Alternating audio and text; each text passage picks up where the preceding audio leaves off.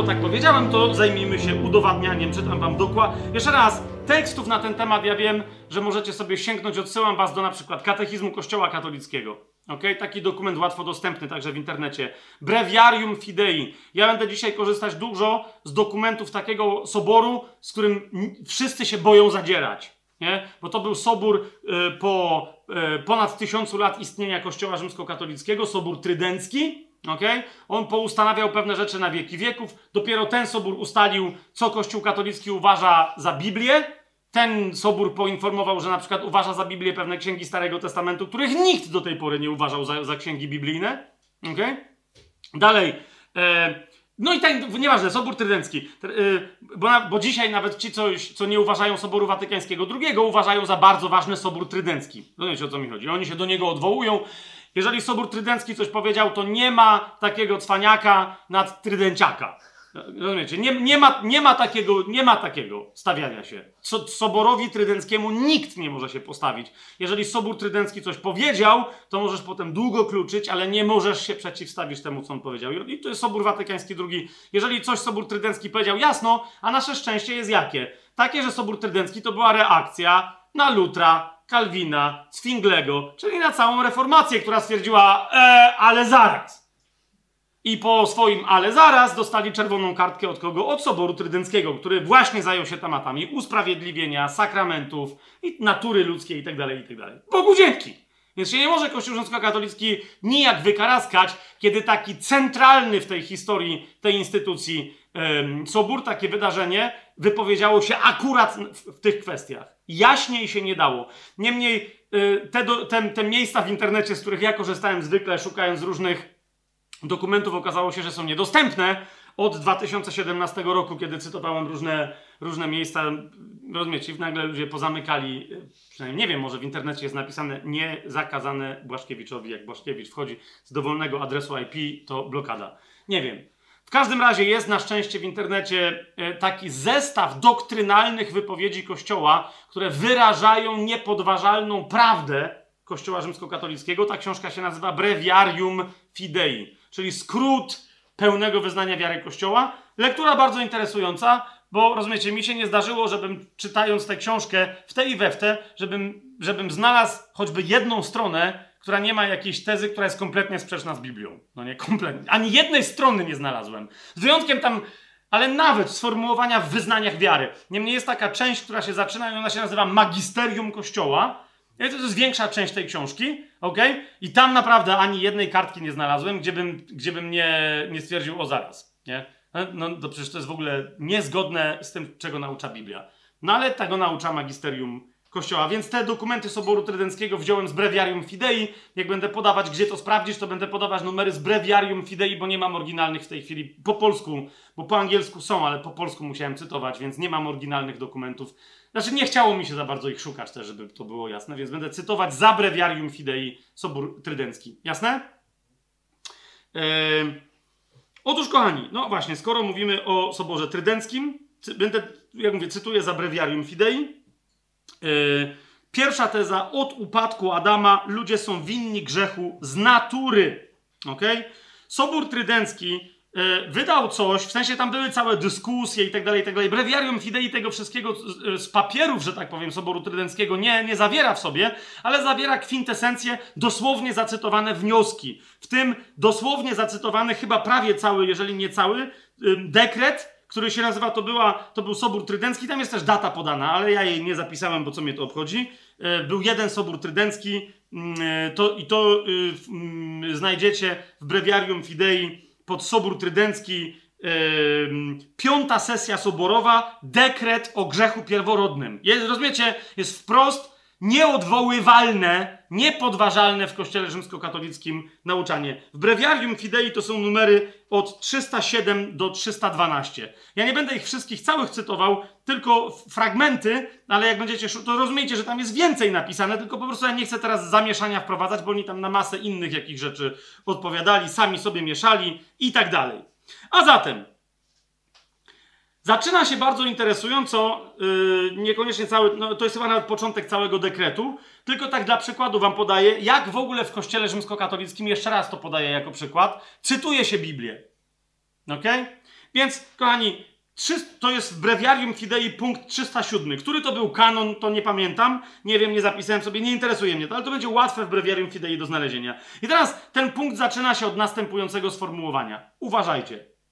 Aby wiara nasza katolicka, cytat, bez której nie można podobać się Bogu, Hebrajczyków 11:6, oczyszczona, cytuję, oczyszczona z błędów pozostała w swej prawości cała i nienaruszona i tak dalej, i tak dalej, i tak dalej. Czyli mamy cytat, Wiara, bez której nie można podobać się Bogu, Hebrajczyków 11:6. Nawet nie otwieram Biblii, Hebrajczyków 11:6, żebyście wiedzieli, że nie ma tam mowy o wierze katolickiej. Nie ma tam mowy o, o zestawie wierzeń, nawet, bo ktoś powie: O, okej, okay, Fabian, napisałeś, akurat z pewnych powodów mam tutaj książkę, w co wierzą biblijni chrześcijanie, swoją własną, żeby w do niej odnieść. No, przecież jest jakiś zestaw wierzeń podany. Nie, w Biblii wiara nie oznacza segmentu definicji, w które trzeba wierzyć, albo pójdziesz do piekła. Czy to jest jasne? To jest wiara w Boga. Zresztą, wiara nasza katolicka to co to jest? To jest zestaw dogmatów katolickich. Jeżeli w nie nie wierzysz, to pójdziesz do piekła. I oni twierdzą, że to bez tej wiary nie można podobać się Bogu. Nie, to otwórzmy zresztą, no nie? Żeby zobaczyć. Czy to chodzi o zestaw jakichkolwiek wierzeń, czy o co idzie? Jedenasty rozdział Hebrajczyków, szósty werset. Bez wiary nie można podobać się Bogu. Ja już pomijam, że wiarę definiuje jedenasty rozdział zaraz na samym po początku. W pierwszym wersecie. Wiara jest podstawą, czego się spodziewamy i dowodem tego, czego nie widzimy. Gdzie? W sercu, w duszy każdego człowieka. Jest czymś indywidualnym, tak? A nie zestawem dogmatów zbiorowym. Ale dalej, w tym szóstym wersecie. Bez wiary nie można podobać się Bogu. Ponieważ, bo ten, kto przychodzi do Boga, i teraz na czym polega ta wiara? Musi wierzyć, że on jest i musi wierzyć w domyśle, bo to jest ta, ten sam ciąg gramatyczny, logiczny, że on nagradza tych, którzy go szukają. Tak? To jest mowa o jakimś zestawie jakichś innych dogmatów, o, o czymś tam. Zauważ, jaka to jest manipulacja. Aby wiara nasza katolicka, bez której nie można podobać się Bogu. Cytat Hebrajczyków 11:6. Rozumiesz, Biblia mówi wyraźnie, że musisz wierzyć na sposób katolicki, bo bez tego nie można się podobać Bogu. Serio? Ale idziemy dalej, bo to był tylko taki, mm, taki przykład. Otóż, kochani, to jest dekret o grzechu pierworodnym. Uważajcie, w punkcie 309 Breviarium Fidei. To jest kanon drugi tego dekretu o grzechu pierworodnym. Słuchajcie, co czytamy. Jeśli by ktoś twierdził, że grzech Adama jemu samemu tylko zaszkodził, a nie jego potomstwu, i że otrzymaną od Boga świętość i sprawiedliwość, którą utracił, stracił dla siebie tylko, a nie dla nas również, albo że on, skalany przez grzech nieposłuszeństwa, śmierć tylko i cierpienie fizyczne przekazał całemu rodzajowi ludzkiemu, nie zaś i grzech także, który jest śmiercią duszy, kto twierdzi te rzeczy, niech będzie wyłączony ze społeczności wiernych, gdyż sprzeciwia się apostołowi mówiącemu przez jednego człowieka grzech wszedł na świat, a przez grzech śmierć i w ten sposób śmierć przeszła na wszystkich ludzi, ponieważ wszyscy zgrzeszyli.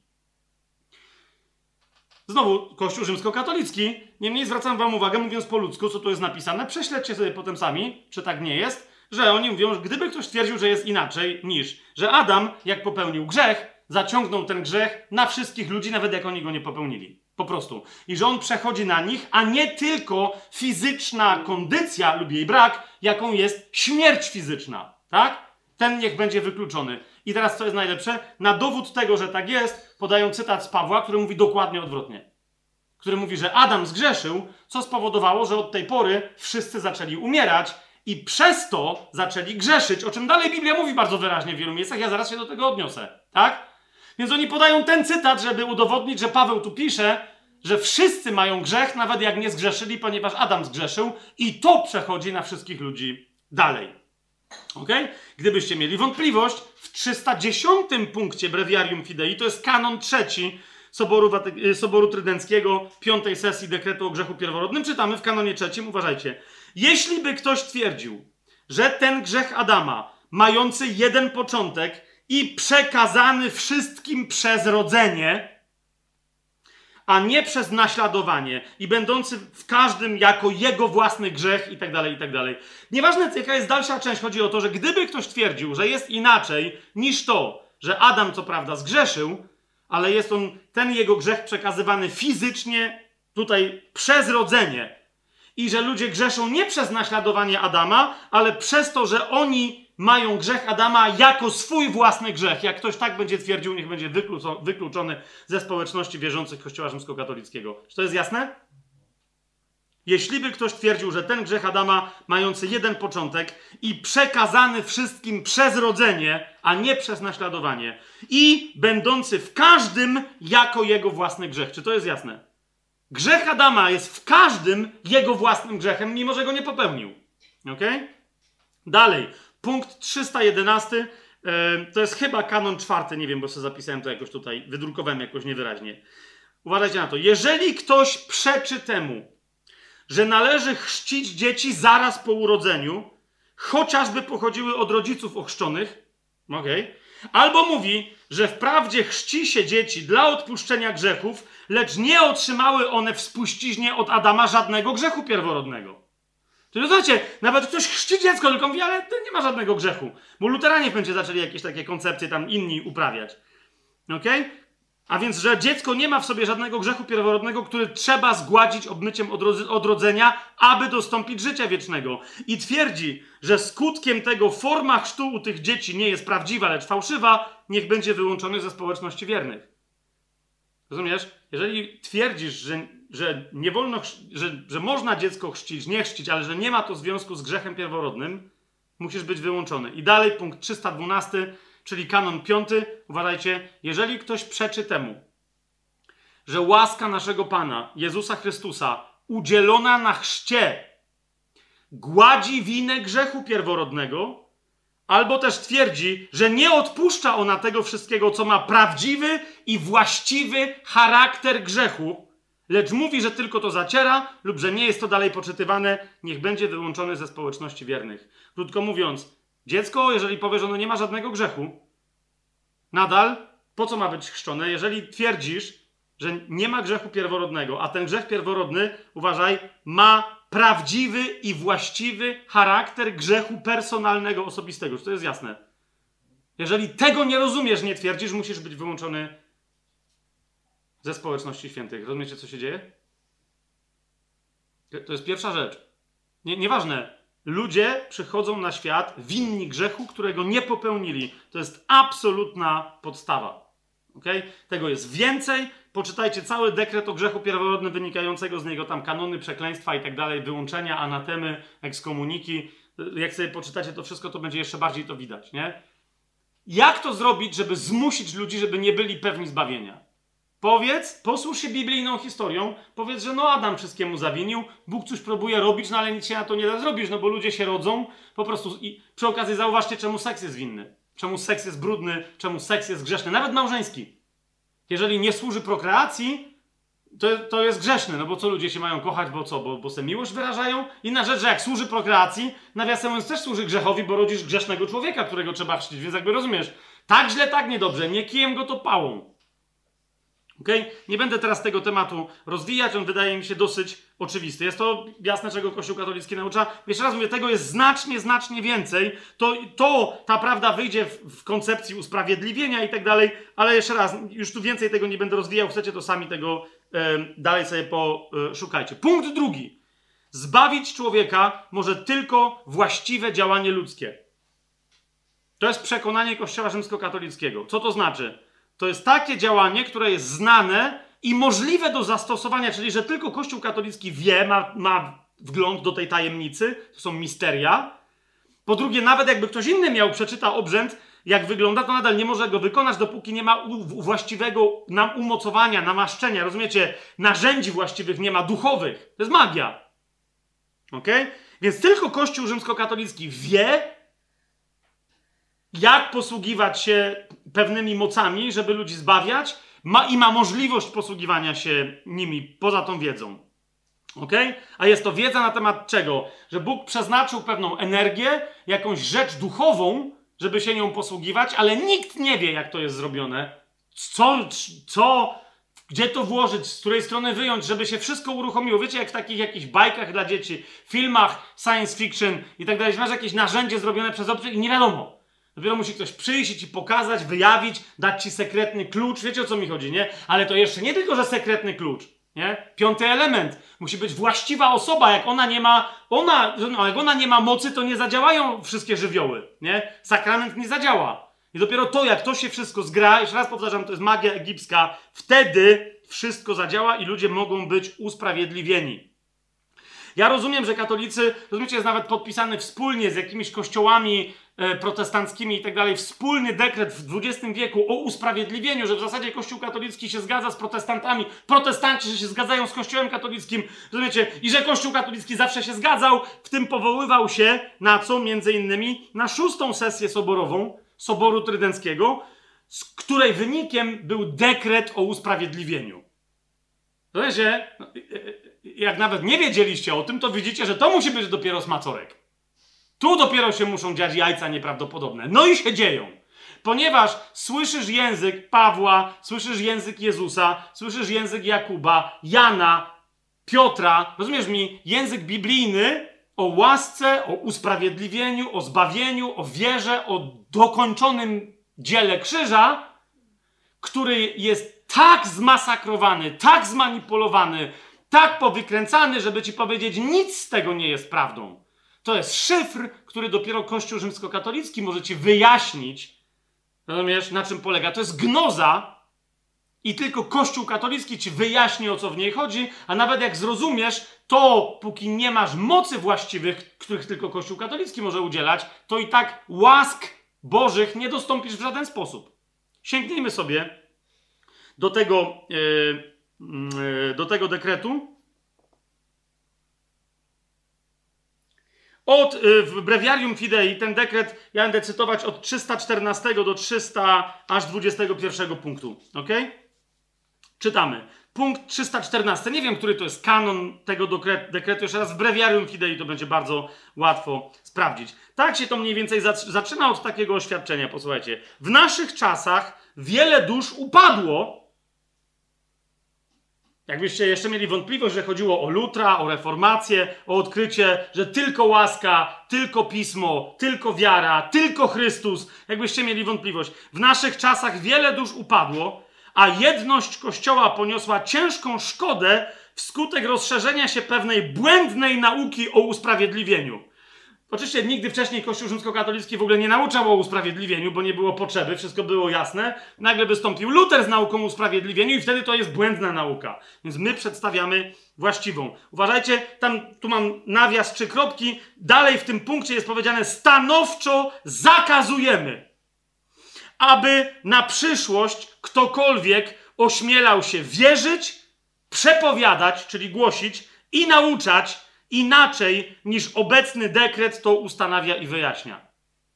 Rozumiecie? Musisz znać ten. Nie ma Sobór Watykański II, nieważne, nie ma możliwości w kościele rzymskokatolickim nawet, rozumiecie, lekkiej deformacji. Nie ma. Stanowczy zakaz. To jest tak jasno powiedziane, że nie, nawet nie, jak powiedział klasyk, niech się nawet nie ośmiela pomyśleć ten kto. Niech się nawet nie ośmieliby pomyśleć. Otóż, punkt 315. Skracam, idziemy dalej. Najpierw święty Sobór oświadcza, że do właściwego i rzetelnego zrozumienia nauki o usprawiedliwieniu, uważajcie, każdy musi uznać i wyznać, że przez grzech Adama wszyscy ludzie, utraciwszy niewinność, stali się nieczyści i, jak mówi apostoł, byli z natury synami gniewu. Jak to wyjaśnił dekret o grzechu pierworodnym? Więc już, już masz na wstępie, Nieważne, czego będziemy nau nauczać na temat usprawiedliwienia, musisz się zgodzić z naszym błędem o grzechu pierworodnym. Bo jeżeli nie, to już na wstępie, nieważne co powiesz o usprawiedliwieniu, kapujesz, nie znasz się, nie znasz się. Jesteś kompletnym bolkiem, nie, nie wiesz, nie rozumiesz, nie umiesz. Widzicie to? To jest pierwsze, najpierw święty Sobor oświadcza, że do właściwego i rzetelnego zrozumienia nauki o usprawiedliwieniu trzeba się zgodzić z dekretem o grzechu pierworodnym. Nie? I potem tam są jeszcze inne rzeczy, ale jest rozdział trzeci tamtego, e, bardzo interesujący tytuł. Kto jest usprawiedliwiony przez Chrystusa? No kto? Ok? To, yy, I tu jest yy, punkt 317. Czytam znowu chyba nie cały, tylko tam jest z niego istotny fragment. W rzeczywistości, tam taki cytat znajdujemy, w rzeczywistości, chociaż, i tu jest cytat, umarł on za wszystkich, Drugi do Koryntian 5:15. Nie wiem, czy rozumiecie, jak ktoś ci konstruuje zdanie, mimo że Biblia mówi, że Jezus umarł za wszystkich, to, to nieważne co dalej powie, to jakby jest. Czy czekaj, chcesz mi powiedzieć, że on nie umarł za wszystkich, albo nawet jak tak jest napisane, to nie o to chodziło, albo to jest jakaś ściema, czy ktoś czegoś nie zrozumiał. Czujecie, co jest grane? Samo sformułowanie w rzeczywistości, chociaż cytat, drugi do Koryntian 5:15, umarł on za wszystkich, przecinek, nie wszyscy jednak otrzymują dobrodziejstwo jego śmierci, lecz ci tylko, którzy mają udział w zasługach jego męki. A i tu niektórzy powiedzą, a nie, no rzeczywiście, no bo przecież jakby to trochę potem. Za... Zauważcie, protestant się zgodzi. Biblii niewierzący człowiek. Jak nie załapie, co się tu zaczyna dziać, powie, nie, no w sumie tak, no nie, przecież, bo musisz ty odpowiedzieć. Jezus zrobił, co miał zrobić, ale teraz ty albo to przyjmiesz, albo nie. Zgadza się? Ale zauważcie, jak to jest sformułowane. Nie wszyscy jednak otrzymują dobrodziejstwo Jego śmierci, lecz ci tylko, którzy mają udział w zasługach Jego męki.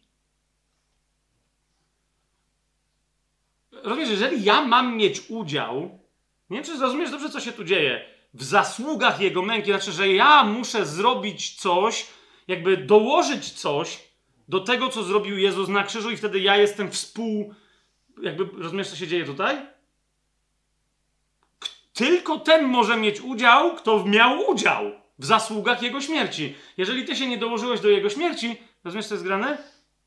To nie, nie możesz skorzystać z jego dobrodziejstwa. Ktoś powie, nie, naprawdę, Fabian, przeginasz. No nie, to można tak interpretować jeszcze raz. No stąd jest koncepcja współodkupicielki w kościele. Marii jako współodkupicielki, tak? Ale stąd jest potem koncepcja, zauważ, kościoła jako współuczestnika, w którym jeżeli ty nie uczestniczysz, to nie możesz otrzymać właściwej łaski. No? Ale jeszcze raz, idziemy do punktu 318. Ok? Tam pada jakiś tam cytat, coś tam się dzieje, i teraz następuje taki komentarz. To jest punkt 318 w Breviarium Fidei. Przytoczone słowa podają opis usprawiedliwienia grzesznika. Polega ono, no to jest najlepsze. Nawet u Lutra nie znalazłem tak profesjonalnego zdania. Na czym polega usprawiedliwienie grzesznika? Obczajcie. Polega ono na przeniesieniu z tego stanu, w którym człowiek rodzi się jako syn pierwszego Adama, Zaraz, usprawiedliwienie grzesznika nie polega na usprawiedliwieniu go z grzechu. Nie wiem, czy zauważyliście. Polega na przeniesieniu z tego stanu, w którym człowiek się rodzi jako syn pierwszego Adama, do stanu łaski i przybrania za synów Bożych przez drugiego Adama Jezusa Chrystusa, naszego Zbawiciela. To jest dzieło usprawiedliwienia Jezusa według Kościoła Rzymskokatolickiego. Idziemy dalej. Otóż takie przeniesienie po ogłoszeniu Ewangelii, uważajcie na to, ktoś komuś głosi Ewangelię, on tego słucha, i coś się dzieje? Nie, nic się nie dzieje. Bo Kościół katolicki stwierdza, takie przeniesienie, już pomijam, że to jest fałszywy opis usprawiedliwienia, takie przeniesienie nie może nastąpić bez kąpieli odrodzenia lub choćby bez jej pragnienia, czyli bez chrztu w Kościele katolickim, bez sakramentu chrztu w Kościele katolickim. Jak jest napisane, jeśli ktoś nie odrodzi się z wody i Ducha Świętego, nie może wejść do Królestwa Bożego. Pomijam, że ten cytat się nie tyczy chrztu zasadniczo, nawet jak się tyczy, to inaczej, więc jeszcze raz, to jest najmniej pewny cytat, gdy chodzi o jakiekolwiek związane z chrztem wodnym. Tu jest to powiedziane, żeby udowodnić, że chrzest wodny miałby cię przenosić z jakiegoś stanu do drugiego stanu. Tu jest mowa o wejściu do królestwa. I jest pytanie, czy jest tu mowa o chrzcie z wody w imieniu Jezusa. Tak? I teraz uważajcie, punkt 320 przeskakuje dalej. Ponieważ Kościół katolicki się pogrąża jeszcze bardziej, żeby nadal nie przyszedł jakiś protestant i nie powiedział, no, czyli wyznaj wiarę, ban nawet nie wyznawaj. Nawet, e, nie, nie, Kościół, powoli. Żebyśmy się dobrze zrozumieli, co się tu odwala. Otóż, 320 punkt. Grzesznicy przygotowują się do usprawiedliwienia, gdy pobudzeni i wsparci łaską Bożą, przyjmując wiarę z tego, co się słyszy, dobrowolnie zwracają się ku Bogu. Zauważcie, co robi łaska. Łaska jest tylko pobudzaczem do tego, żeby człowiek podjął własne działania. Łaska nic nie robi człowiekowi wprost. Przygotowują się do usprawiedliwienia, do usprawiedliwienia, gdy pobudzeni i wsparci łaską Bożą. Ale oni muszą, oni są pobudzeni łaską. Nie ma, łaska nie ma dzieła żadnego. Tak? Zwracają się ku Bogu, wierząc, że prawdą jest to, co Bóg objawił i obiecał, a przede wszystkim to, że grzesznik jest usprawiedliwiany przez Jego łaskę. Wow! Musisz w to wierzyć. No to czyli nadal super. Wszyscy się zgadzamy. Dzięki odkupieniu, które jest w Chrystusie Jezusie. No aleluja, Kościele Rzymskokatolicki. Amen! A kiedy pojmują, że są grzesznikami, zwracają się od przejmującego ich z pożytkiem lęku przed Bożą sprawiedliwością. Czy ktoś tu nie pomylił Bożej sprawiedliwości z Bożym gniewem? Wiecie, no Biblia wyraźnie te dwie, że Boża sprawiedliwość ratuje cię przez usprawiedliwianie od Bożego gniewu, a nie jest wyrazem Bożego gniewu, więc okej? Okay? Niemniej idziemy dalej. Z pożytkiem od Bożego yy, odwracają się ku rozważaniu Bożego miłosierdzia, nabierają nadziei, ufając, że Bóg będzie dla nich łaskawy ze względu na Chrystusa. Zaczynają go miłować. Rozumiesz, jeszcze się nic nie stało. Łaska ich tylko pobudza i oni nagle do miłości Boga dochodzą. Rozumiesz?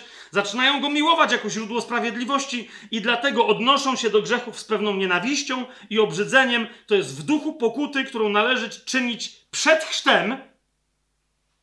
Ok?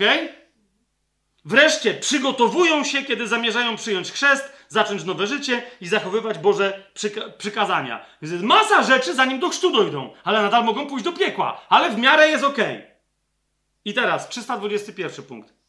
Po tym przysposobieniu i przygotowaniu następuje usprawiedliwienie. Jak to? Które nie jest tylko odpuszczeniem grzechów, lecz także uświęceniem i odnowieniem wewnętrznego człowieka przez dobrowolne przyjęcie łaski i darów. Nie chcę nawet mówić o zamieszaniu, które tutaj nastąpiło. Dlatego człowiek z niesprawiedliwego staje się sprawiedliwy, w sumie jest ok, z nieprzyjaciela przyjacielem, aby stał się w nadziei dziedzicem życia wiecznego. Kurde, mieszają, ale jakby cały czas, zgodzicie się, wszystko się zgadza. Luther myślę, żeby się podpisał. Zwingli by się, Calvin by się podpisał, ty. Ale teraz mamy takie wyjaśnienie. Przyczyny tego usprawiedliwienia, no bo to jest to, z niesprawiedliwego, sprawiedliwym, łaska, super, halleluja, amen. Przyczyny tego usprawiedliwienia są następujące. I tu macie dokładnie księgę cieni, rozumiesz, rozmowy z duszami zmarłych, kult egipski starożytny, wszystkie możliwe misteria okultystyczne, bakhanalia, znaczy dokładnie wszystko. Powiedzieliśmy, coście chcieli usłyszeć. Jak ktoś doczytał do tego miejsca, to niech się teraz zdziwi, o ile zrozumie, co napisaliśmy. Haha. Czytam. Przyczyny tego usprawiedliwienia są następujące. Przyczyną celową jest chwała Boga i Chrystusa oraz życie wieczne. Czyli, że do tego to zmierza. Do chwały, to jest przyczyna celowa. Czemu to robimy? Żeby dojść do jakiegoś celu. Otrzymać chwałę Bożą yy, i Chrystusową i życie wieczne. Jasne? Przyczyną sprawczą zaś jest Bóg miłosierny, który darmo obmywa i uświęca. Właściwy cytat nawet tu jest podany. Znaczy właściwy jakiś tam cytat jest podany. Znacząc i namaszczając, kolejny cytat, świętym duchem obietnicy i tak tak dalej. Przyczyną zasługującą zaś jest umiłowany jednorodzony Jego Syn, nasz Pan Jezus Chrystus, który gdy byliśmy nieprzyjaciółmi, Rzymian 5.10, przez wielką swoją miłość, jaką nas umiłował, Efezjan 2.4, swoją najświętszą męką na drzewie krzyża, wysłużył nam usprawiedliwienie i za nas zadość uczynił Bogu Ojcu. Cool! I teraz jest ostatnie zdanie. Ale, tu powinno być duże ale, ale, żeby to wszystko się stało możliwe, Masz coś, co kompletnie przekreśla to wszystko, co przeczytaliśmy, jakkolwiek by to ktoś rozumiał. rozumiał.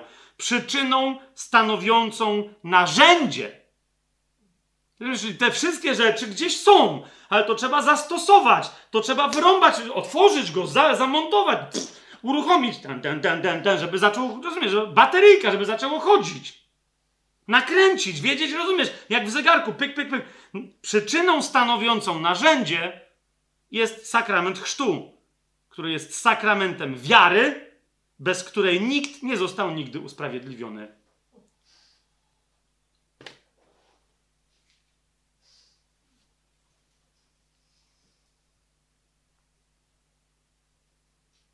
Rozumiesz? Więc jak rozmawiasz z katolikami i tak dalej, miałem wiele takich rozmów, dopóki tego nie załapałem, o co to się rozbija. Przecież ja też mam chrzest, ja też wierzę w usprawiedliwienie z wiary, z łaski, rozumiesz? Jest łaska, jest wiara, jest, rozumiesz? Ale zobacz, co się tu dzieje. Wiara, ok, jest posłuszeństwem Kościołowi katolickiemu w korzystaniu z jego rozwiązań magicznych, ok?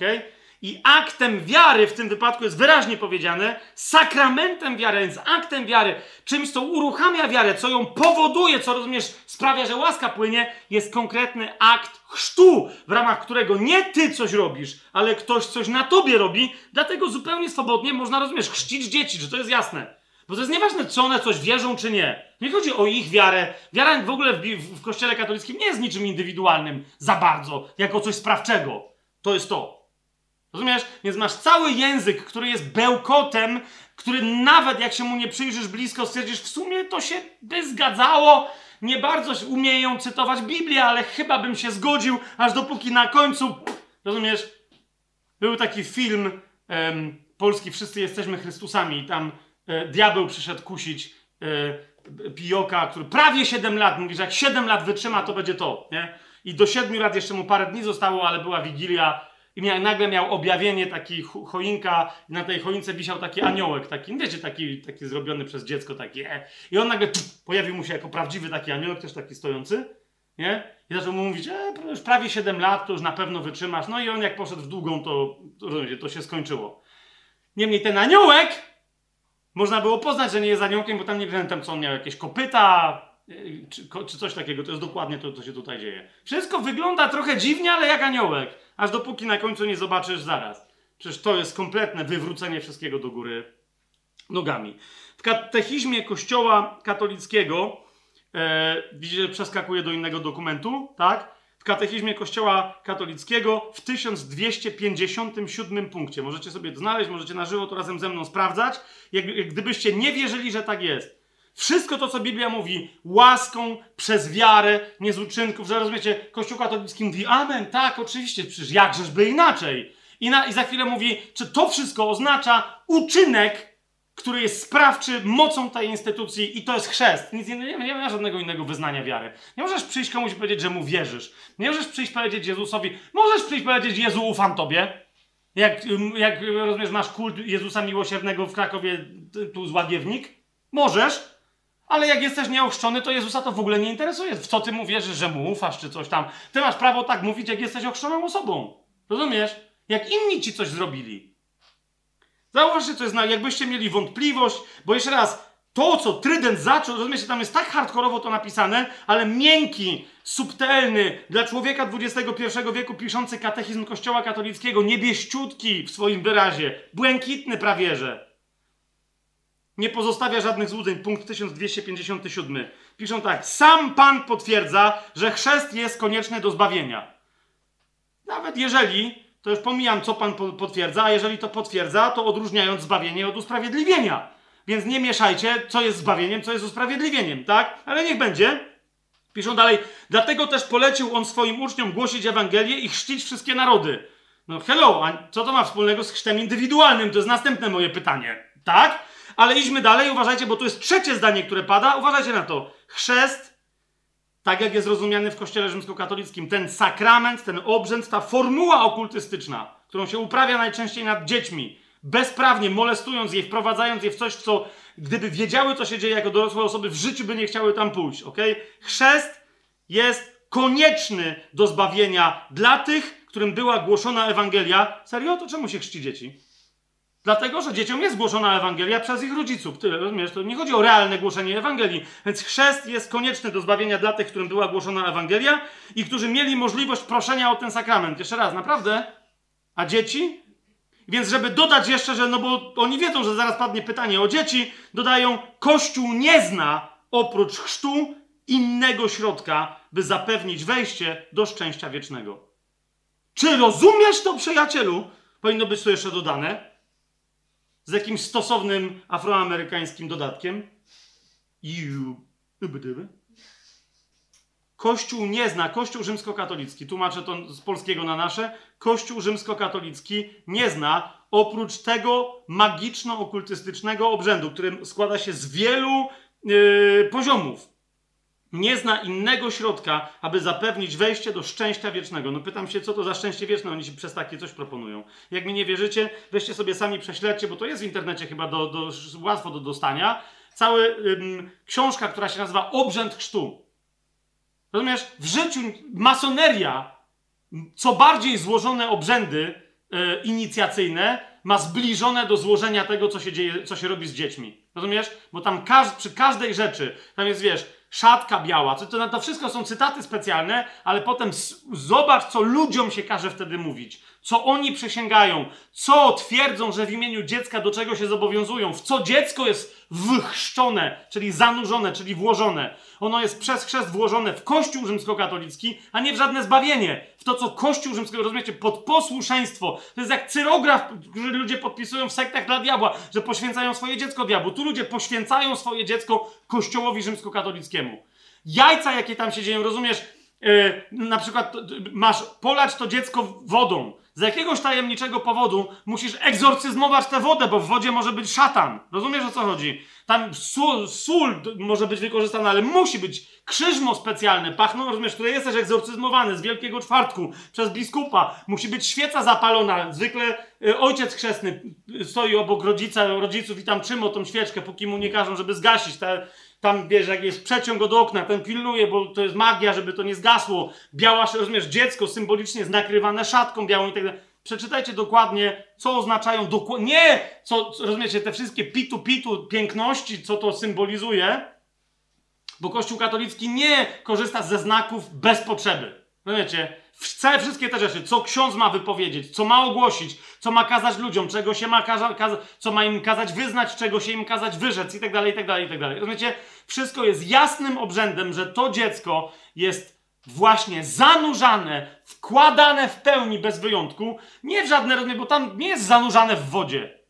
Tak? Tam jest wyraźnie powiedziane o zanurzeniu w Kościół, o wcieleniu pełnym w Kościół katolicki. I na końcu się ogłasza, oto mamy nowego członka, ciała, którym jest Kościół rzymskokatolicki. Halleluja, oklaski, wszyscy brawo, je, bo teraz, dawniej się nie klaskało po kościołach katolickich, teraz się klaszcze. To jest dokładnie to. Kościół nie, rozumiecie, to jest, to jest dokładnie to. Przerażający obrzęd nad dzieckiem wykonywany. Ok? E, dalej mamy 340 punkt, wracamy do breviarium fidei. Nikt Wracamy do breviarium fidei, tak? Więc yy, to jest z powrotem Sobór Watyk, yy, Trydencki. Nikt, kto nie przyjmuje wiernie i mocno tak wyłożonej katolickiej nauki o usprawiedliwieniu, nie może być usprawiedliwiony. Rozumiesz? Ty musisz zrozumieć, o co chodzi Kościołowi katolickiemu. Ja tłumaczę i dalej widzę po waszych oczach, że częściowo rozumiecie, częściowo what, więc ty lądujesz w końcu w rękach jakiegoś księdza, który ci mówi tak, tak i tak, tu na tace, tu msza, tu daj za zmarłych, to o co chodzi? Rozumiesz? I ty mówisz, okej, okay, ale ja teraz robię to, co Kościół, absolutnie. I, I, to cię usprawiedliwia. Rozumiesz? Kto nie przyjmuje wiernie i mocno tak wyłożonej katolickiej nauki o usprawiedliwieniu, nie może być usprawiedliwiony. Bóg, Bóg do tego nic nie ma. Jak ktoś jest na pustyni, musi znaleźć księdza.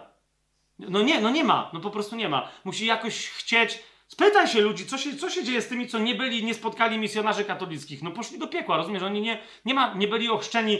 Tam jeszcze jest nauczanie o chrzcie zielonym, czerwonym, że ktoś chociaż miał pragnienie ochrzczenia się w kościele katolickim. To to go mogło ewentualnie zbawić. No bo jest problem z tym chłopem na krzyżu, co powiedział, panie, wejrzyj na mnie, a ten mówi, no to jeszcze dzisiaj będziesz ze mną w raju. No ochrzcił się, chyba nie, ale okej, okay, no jak... Miał pragnienie, dobra. Miał pragnienie chrztu w kościele katolickim i Pan Jezus go wynagrodził za to pragnienie. Nie żartuję sobie teraz. Święty Sobór zdecydował także dołączyć następujące kanony, aby wszyscy wiedzieli nie tylko to, czego mają się trzymać i za czym iść, lecz także czego powinni unikać i czego się wystrzegać. I tam się pojawia rozdział ósmy. Jak rozumieć to, że grzesznik jest usprawiedliwiany dzięki wierze i za darmo? To jeszcze lepiej. Jakby już nam do tej pory. To, czyli to wszystko ci pokazuje, no nie ma nic za darmo, nie ma nic dzięki wierze, są tylko i wyłącznie działania i to instytucji. A teraz jak to rozumieć? Ok, punkt 349, kochani. Punkt 349. E, kanon 9 to jest e, tego, mm, e, te, chyba dekretu o usprawiedliwieniu dalej. Jeśli by ktoś twierdził, że grzesznik zostaje usprawiedliwiony przez samą wiarę,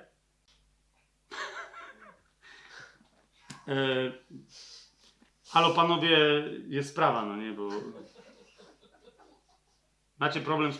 Halo? Pan Jezus? Paweł? Piotr? Jan? Tak? Juda? Jest? Jakub? Wszyscy są... Że jest... Macie problem, no jest, jest jakby... Jeśli by ktoś twierdził, że grzesznik zostaje usprawiedliwiony przez samą wiarę, w tym znaczeniu, iż nie potrzeba niczego innego do współdziałania w uzyskaniu łaski usprawiedliwienia, oraz, że bynajmniej nie jest to konieczne, aby aktem własnej woli przygotował się do niej i przysposobił, niech będzie wyłączony ze społeczności wiernych. Jeszcze raz rozumiecie? Czyli jak rozumieć że grzesznik jest usprawiedliwiony dzięki wierze i za darmo, że no nie jest usprawiedliwiony dzięki wierze i za darmo. Bo dzięki wierze i za darmo byłoby, że nie musi nic zrobić. Wystarczy, że uwierzy w sercu, tak? I nic nie musi zrobić, nie musi nic. Jeżeli by ktoś tak twierdził, że nie potrzeba niczego innego, że tu współdziałań nie potrzeba, to nie ma. To jest pierwszy błąd. Niech będzie wyłączony ze społeczności wiernych. Punkt 352, kanon 12 w Soborze w Breviarium Fidei 352. Jeśli by ktoś twierdził, że wiara usprawiedliwiająca jest niczym innym, jak tylko ufnością w miłosierdzie Boga, który odpuszcza grzechy ze względu na Chrystusa, albo że ta ufność jest jedynym źródłem usprawiedliwienia, niech będzie wyłączony ze społeczności wiernych. Nie możesz usłyszeć Ewangelii, i teraz mówię to wam, mówię to każdemu rzymskiemu katolikowi, który w ramach głoszenia protestanta, na przykład, nie wiem, e, e, ewangelisty e, biblijnie wierzącego, ewangelicznego, masa katolików była, oddawała życie Chrystusowi, wyznawała swoją wiarę przy na przykład głoszeniu Kuby Kamińskiego, z tych ostatnich, że tak powiem, ewangelistów sławnych młodego pokolenia, na których wielu ludzi przychodziło, więc tam jest duże prawdopodobieństwo. Prawda, znam katolików, którzy byli ale akurat znam tych, co potem odeszli z kościoła katolickiego. Ale ilu zostało? Wiecie o co mi chodzi? Jeszcze raz, miejcie tę świadomość, że jeżeli uważacie, że wyszliście do przodu, tak w ogóle w sercu uwierzyliście, tylko Jezus, tylko Jego łaska, On umarł za mnie na krzyżu, On zmartwychwstał, żyje. Jak ja teraz powiem, Jezu, przyjdź, oddaję Ci moje życie, to On przyjdzie i do, dokładnie dokona w Tobie tego dzieła. Kościół rzymskokatolicki mówi, jesteś osobą wyklętą, nie jesteś rzymskim katolikiem, wierzysz wbrew temu, czego my nauczamy. Jesteś wyklęty, nie ma takiej możliwości, żeby pogodzić jedno z drugim. Jeszcze raz powtórzę, kanon 12. Jeśli by ktoś twierdził, że wiara usprawiedliwiająca jest niczym innym, jak tylko ufnością w miłosierdzie Boga, który odpuszcza grzechy ze względu na Chrystusa, niech będzie wyłączone ze społeczności wiernych. Albo, że ta ufność, ta ufność jest jedynym źródłem usprawiedliwienia. Rozumiesz? Ja nie mogę nic. Wiara komu? Bogu za darmo, że on mi to daje bez mojej, bez, ja nie mogę nic zrobić, amen? To jest, to jest ta idea. I oni mówią, dokładnie to jest, nie. Nie możesz tak tego rozumieć. Jak cała Biblia na ten temat głosi, ale o tym jeszcze dzisiaj będziemy mówić, tak? To jest kanon 12. Punkt 354, jeżeli to śledzicie w Breviarum Fidei teraz na żywo, to, to jest kanon, to jest punkt 354, kanon 14. Jeśli by ktoś twierdził, że człowiek otrzymuje rozgrzeszenie i usprawiedliwienie dzięki swej mocnej wierze, i to, iż jest rozgrzeszony i usprawiedliwiony, albo że nikt nie bywa prawdziwie usprawiedliwiony, tylko ten, kto wierzy, że został usprawiedliwiony, oraz że tylko wiara dokonuje rozgrzeszenia i usprawiedliwienia, niech będzie wyłączony ze społeczności wiernych. Jeszcze raz inaczej powtórzone dokładnie to samo. Nie? Jeżeli wierzysz, że tylko wiara daje ci łaskę usprawiedliwienia, anatema sunt. 364 364 punkt, kochani, to jest kanon 24. Jeśli by ktoś twierdził, że otrzymana sprawiedliwość nie zostaje zachowana i nie wzrasta wobec Boga przez dobre czyny, lecz że czyny są tylko owocem i znakiem otrzymanego usprawiedliwienia, a nie przyczyną także jego wzrostu, niech będzie wyłączone ze społeczności wiernych. Dlaczego ten kanon przywołałem? Bo nie chciałem, tam jest wiele różnych zamieszanych, tam byłoby dużo różnych smaczków można wyciągać. Ale rozumiecie, że są biblijnie wierzący, ludzie, którzy się podają za biblijnie wierzących, protestanci i tak dalej, którzy wierzą w tak, zwane, w tak zwaną utracalność zbawienia. To jest dokładnie to. Oni wierzą absolutnie, kompletnie, rozumiecie, w to, co przeciwko biblijnemu usprawiedliwieniu mówi Kościół rzymskokatolicki. Jeszcze raz, Kościół rzymskokatolicki mówi, jeżeli by ktoś twierdził, że otrzymana sprawiedliwość nie zostaje, ja to rozbijam teraz na części pierwsze, że ona nie zostaje zachowana przez dobre uczynki, że nie wzrasta wobec Boga przez dobre uczynki, ale że czyny są tylko wynikiem tego, że ktoś jest usprawiedliwiony, niech będzie wyklęty. Rozumiecie o co mi chodzi? To jest stwierdzenie, usprawiedliwienie możesz dostać. Jak? Kościół katolicki mówi, jak się ochrzcisz. Swoją drogą zauważ, ilu protestantów rzekomo biblijnie wierzących wierzy, że łaska i tak dalej, nowonarodzenie się dokonuje w chrzcie, dopiero przez ten uczynek, przez ten akt. Tak? Nie ma żadnego innego aktu, nawet wyznanie Jezusa jako Pana jest już owocem usprawiedliwienia. Ale jest dokładnie, rozumiecie, ja jestem po raz 758 właśnie wyklęty, bo dokładnie występuję przeciwko temu kanonowi. Tylko ilu protestantów w to wierzy? Że można utracić zbawienie, kiedy ktoś, rozumiesz, nie, nie zamiast dobrego uczynku popełni jakiś grzech czy coś i wtedy utraci. Dlaczego? Ponieważ swoje usprawiedliwienie utrzymujesz przy pomocy swoich czynów. Wtedy jesteś zbawiony z uczynków, a nie z łaski nadal. I Kościół katolicki pod tym względem przynajmniej jest konsekwentny. Mówi nie, ludzie się zbawiają swoimi uczynkami. To, że Biblia coś tam pitoli, że to jest łaska, trzeba to dobrze rozumieć. To jest takie pitu-pitu dla naiwnych ludzi, ale my tu przedstawiamy prawdziwym gnostykom, jak się sprawy mają. Są tylko i wyłącznie nasze uczynki. Dalej, punkt 367 i to jest y, w dokumentach soborowych kanon 27.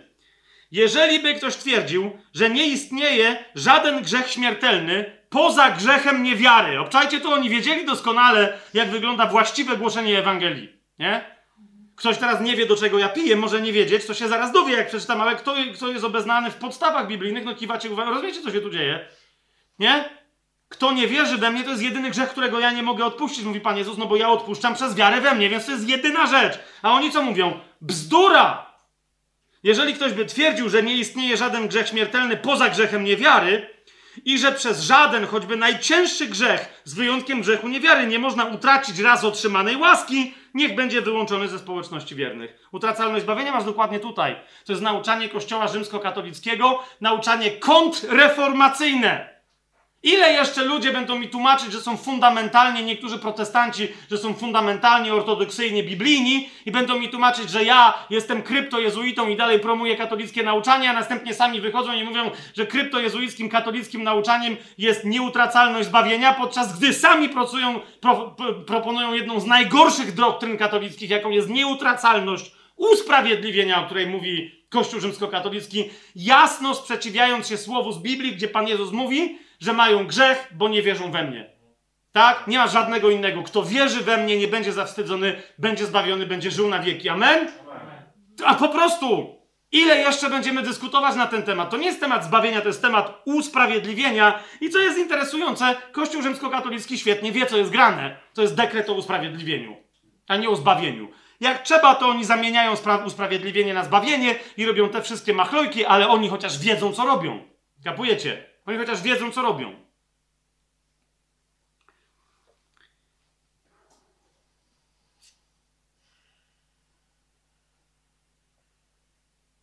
Dalej. Mamy dekret o sakramentach. ok? Bo chrzest to jest jedna rzecz. Siódma sesja soborowa, dekret o sakramentach w mm, y, Breviarium Fidei to będzie punkt 374, który teraz cytuję. Dla uzupełnienia zbawiennej nauki o usprawiedliwieniu, no to już usłyszeliście, jak ona usprawiedliwia, jak ona jest zbawienna, która na ostatniej sesji została jednomyślnie ogłoszona za zgodą wszystkich ojców. Pomijam, że tam było czterech teologów protestan- katolickich, którzy nauczali dokładnie jak protestanci, cytując właściwie Biblię i mówiąc, że chyba może jednak to zostali uznani, że są w mniejszości wara, albo się nawracacie, albo stos, jak dla Jana Husa i tyle uważaliśmy za wskazane zająć się najświętszymi sakramentami Kościoła. Rozumiesz, bo masz podwaliny teraz pod co? Pod klasyczną praktykę religii. Skoro już jest jasne, że Bóg nie ma bezpośredniego dostępu do człowieka, złożył energię swoją zbawczą w ręce instytucji, która ma gnozę, która wie, jak się nią posługiwać i ma narzędzia magiczne, formuły, namaszczenia i tak dalej. Rozumiecie? To jak już jest to uzasadnione, no to, to teraz sobie możemy hasać, teraz mówimy, rozumiecie, Cała ta władza wyraża się w czym? W sakramentach. Przez nie, dalej czytamy w tym punkcie, czyli przez sakramenty, wszelka prawdziwa sprawiedliwość albo się rozpoczyna, uważajcie na to, albo zaczęta wzrasta, albo jeśli się ją utraci, zostaje odzyskana. Dziękuję bardzo. Co jest źródłem usprawiedliwienia? Jeszcze raz jest powiedziane sakramenty, których ci udziela Kościół rzymskokatolicki, nie żaden inny. To nie może być żaden inny Kościół. Rozumiesz? To jest to, formuła fundamentalna. Poza Kościołem nie ma zbawienia. Formuła rzymsko-katolicka. Punkt 378. Czyli to jest kanon czwarty tej, tej, tej nowej, yy, jak to się nazywało? Yy, dekretu o sakramentach, nie doktryny. Dekretu o sakramentach. Kanon czwarty. Uważajcie na to jeszcze. Jeśli by ktoś twierdził, że sakramenty Nowego Przymierza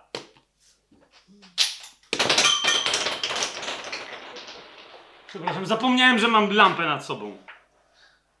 Przepraszam, Weronika. No! Co? Sakramenty Nowego Przymierza? Je, gdzie ty to masz w Biblii?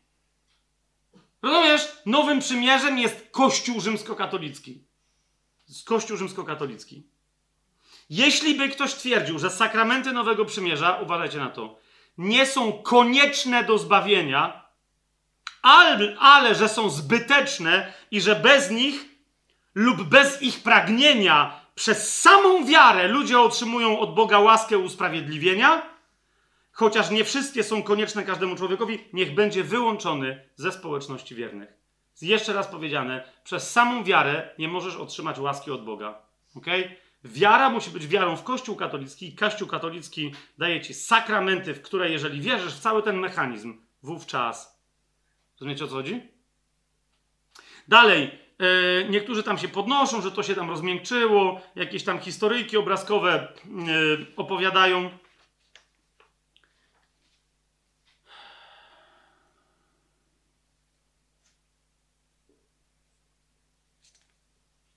Mam. Yy,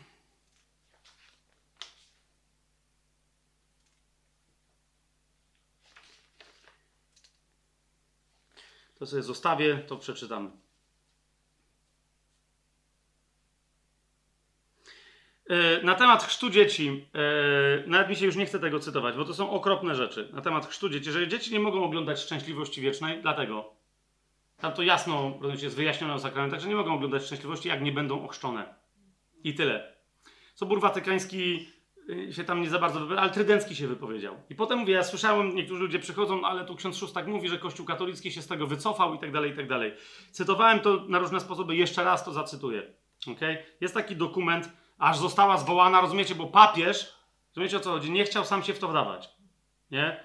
Zlecił to odpowiedniej dykasterii. Dykasteria zleciła, powstał taki dokument, który nazywa się Nadzieja zbawienia dla dzieci.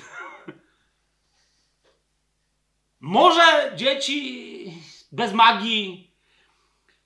Autorem jest Międzynarodowa Komisja Teologiczna. To potem zatwierdził papież. To, e, e, wyszedł ten dokument e, w 19, 19 stycznia 2007 roku. Cały, znaczy nazywa się dokładnie ten dokument Nadzieja zbawienia dla dzieci, które umierają bez chrztu. Czujesz to? Jakaś jest...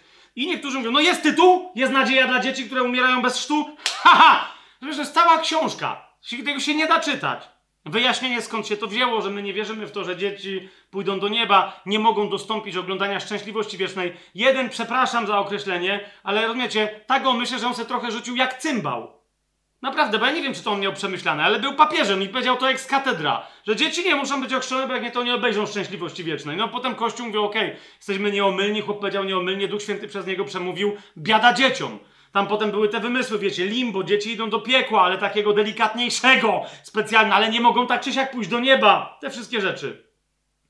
Więc w 2007 roku powstał ten dokument, ok, który mówił, no czemu to jest nauczanie katolickie i tak dalej, i tak dalej, i tak dalej. No i na przykład właśnie Adam Szustak, jak, ja nawet go za bardzo nie znam, więc nie mogę powiedzieć, że go jakoś tam bardzo lubię, ale coś tam robi, sporo dobrych rzeczy w internecie, niech mu internet lekkim będzie, no nie? Wszystko gra. Ale ktoś tam mi podesłał, że on tam mówi, że jak to tu już Kościół się wycofał, dzieci normalnie się zbawiają bez chrztu i tak dalej. Jakby tak było, to po co się w ogóle chrzcić? To może cała reszta tą furtką dla tych dzieci bez chrztu by weszła, nie? Znacie, ale ja więc znalazłem ten dokument, na który on tam się powołał. Jeszcze raz go sobie przeczytam, bo pamiętałem z mojej teologii, że to nic z niego po teologii, bo to było grubo po mojej teologii, że tam nic z niego nie wyniknęło. Tylko to było pitu pitu jeszcze raz Wiecie, jak, jak była pajęczyca Tekla w starej e, pszczółce Mai ona tam grała i takie, okej, okay, okej. Okay. Coś pograli i z tego ma wynikać, jaki jest tytuł, że jest nadzieja dla dzieci. Okej, okay, super. Ale jeszcze raz, przeczytam wam, zwróćcie na to uwagę, czy to wynika. Ostatnie dwa punkty, tak? To jest punkt 102 i 103 tego dokumentu Nadzieja zbawienia dla dzieci, które umierają bez chrztu, nie? Przeczytam wam go w całości, żeby, żebyście zobaczyli pokrętność nieprawdopodobną tego, nie? Bo tak naprawdę z tego dokumentu wynikało, że nie ma możliwości w teologii katolickiej, żeby dziecko bez, bez chrztu poszło do nieba, żeby mogło doświadczyć życia i szczęścia wiecznego. Nie ma takiej możliwości. Jedyne, co możemy zrobić, to powiedzieć, bo ktoś kiedyś tam gdzieś machnął takie zdanie, że Bóg związał Kościół sakramentami, ale on nie jest związany sakramentami. Co prawda Kościół jest jedyną drogą, jak zaraz jeszcze to dzisiaj zobaczymy, ale jakby wiecie o co chodzi, ale, no ale Boga to nie wiąże. No nie? Więc niby to jest jedyna droga, ale może On... To jest dosłownie, dosłownie to jest tak paniczna próba takiego... Może On jednak jakoś Bo nam to nijak nie wychodzi z tego równania. Nie ma takiej możliwości. Ale no Bóg jest większy, może nas oszukał trochę, jakby tak nas cyknął i te dzieci jednak w sumie może nie jest taki zły, jak to wynika z naszej teologii. Punkt 102 i 103, posłuchajcie tego. Punkt 102. To jest konkluzja całego tego dokumentu, chociaż wcześniej to jest bardzo jasno napisane, ale taka konkluzja na koniec, żeby było także spokojnie, nie? Nie, nie krzyczcie na Kościół katolicki, że on uważa, że dzieci są. Nie mówmy o tym. Nie mówmy o tym, proszę. Punkt 102. Czy w nadziei, którą żywi Kościół w stosunku do całej ludzkości i którą pragnie na nowo ogłosić dzisiejszemu światu, istnieje nadzieja zbawienia dzieci, które umierają bez chrztu? No przed chwilą się dowiedzieliśmy, że nie ma nadziei dla ludzi, którzy poza sakramentami coś by chcieli, więc tu nagle, no ale oni wiedzą, że ale dzieci to jest drażliwy temat. A my dzisiaj chcemy na nowo coś głosić. To jest trochę stara koncepcja. Więc piszą dalej, przeanalizowaliśmy uważnie tę złożoną kwestię z wdzięcznością i szacunkiem dla odpowiedzi udzielonych w historii Kościoła. Kto ma wiedzieć, ten wie. Ale także ze świadomością, że mamy dzisiaj udzielić spójnej odpowiedzi odpowiednio do chwili obecnej. Rozumiecie, jakie było zlecenie? Oni to napisali. Dajecie nam niemożliwą do wykonania akcję i teraz co my mamy powiedzieć? No jasne, że Kościół potrzebuje nowego PR-u, ale no, ej, ex-katedra, nieomylność, no nie da się. I oni tu wyraźnie napisali, nie wiem, czy to widzicie. No ale mówię, no ale okej, okay. no nie podejmując tą refleksję, okej. Okay. Podejmując refleksję w ramach, podejmując refleksję w ramach jedynej tradycji wiary, która łączy Kościół we wszystkich epokach i powierzając się całkowicie przewodnictwo Ducha Świętego, który zgodnie z obietnicą Chrystusa prowadzi jego uczniów do całej prawdy, staraliśmy się czytać znaki czasu i interpretować je w świetle Ewangelii.